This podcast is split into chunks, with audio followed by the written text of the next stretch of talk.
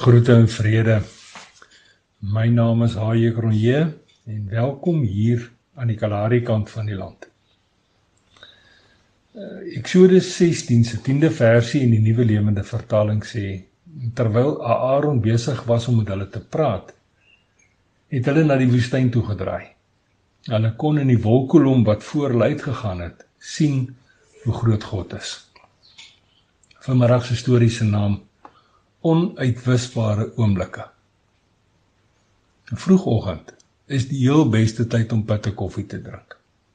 Dit is nou as die Kalahari se soet stilte dawerend oor die vlak aankom om in jou ore te leer klink en jy die voorreg en die eer smaak om stoksiel alleen buite op die vlak vir die rooi oog van die son te wag. Dit is in daardie oorverdowende doodse stilte waar bitter koffie waarlik tot sy volle reg kom. Vroegoggend se pitte koffie help mens ook om op die gisterpaaie van jou lewe te wandel. Daar het ek en jy genoeg tyd en geleentheid om met lang bene stil te sit by sekere betekenisvolle momente in die oorvloedsmooi en die minder mooi woestynkante van ons lewens. Onuitwisbare oomblikke en groot spesiale momente. Maar dit is veral daardie momente wat jou lewe help definieer en oomblikke waar die kerelkind van God se spore hooplik onuitwisbaar langs joune lê. Die Israeliete van ouds het so 'n onuitwisbare oomblik op hulle tog tussen Elim en die Sinaï berg, dis nou iewers in die Sinwoestyn gehad. 'n Koskrisis het veroorsaak dat die volk onwillekeurig aan die kredende kostafels van Egipte herinner was soveel so dat Moses en Aaron behoorlik hieroor gekonfronteer was. Hierdie bondel Israeliete wou kossigheid hê en hope daarvan. Al wat regtig saak gemaak het, is die verganklike, want hulle wou rondom dik wees na elke ete. Op daardie stadium het alles gedraai om die nou, die dadelike en die tydelike en heel vergete was die Skepper God se ewigdurende belofte van 'n beloofde land en 'n plek van hulle eie waar hy vir altyd hulle God sal wees. En tog ek en jy maak ook maar presies net soos die Israeliete gemaak het. sien in elkeen van ons gistertye is daar ook 'n Egipte 'n wêreld wat ons agtergelaat het omrede ons die keuse gemaak het om hom te volg en hom te dien. Hierdie keuse plaas ons spreekwoordelik en roet na ons beloofde land toe.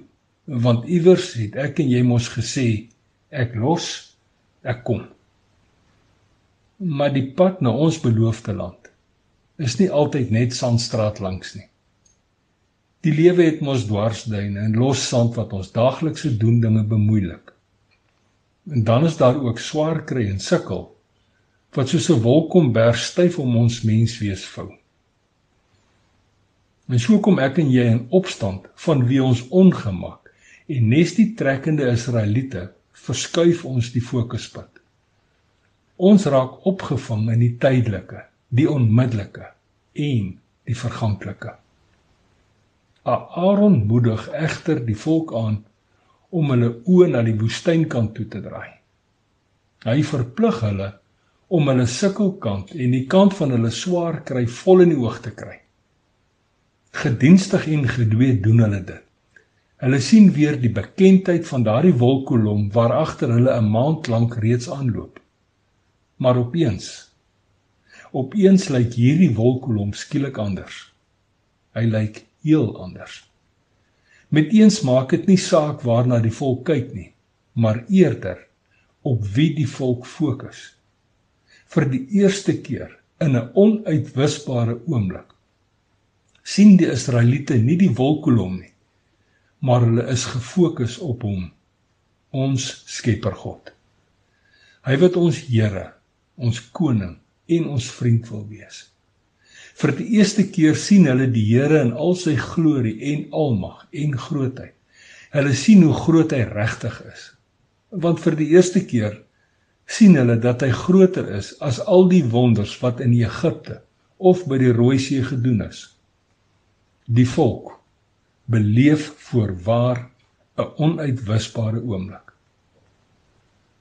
En terwyl ek die laaste bietjie pitte koffie daardie vroegoggend uit my oranje koffiebeker langs 'n klein vuurtjie sluk, herinner die Heilige Gees my weer aan onuitwisbare oomblikke in my lewe.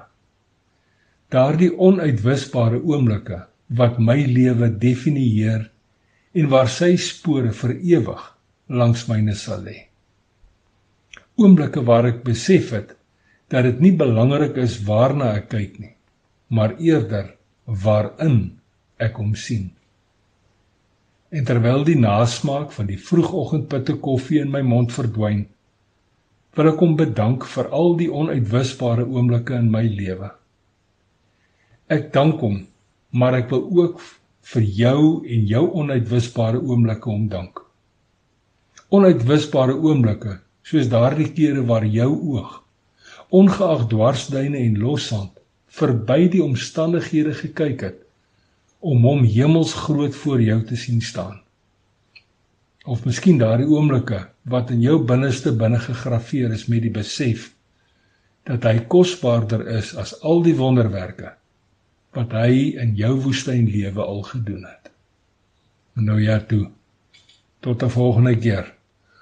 Los mooi spore. Sankorobay seëninge.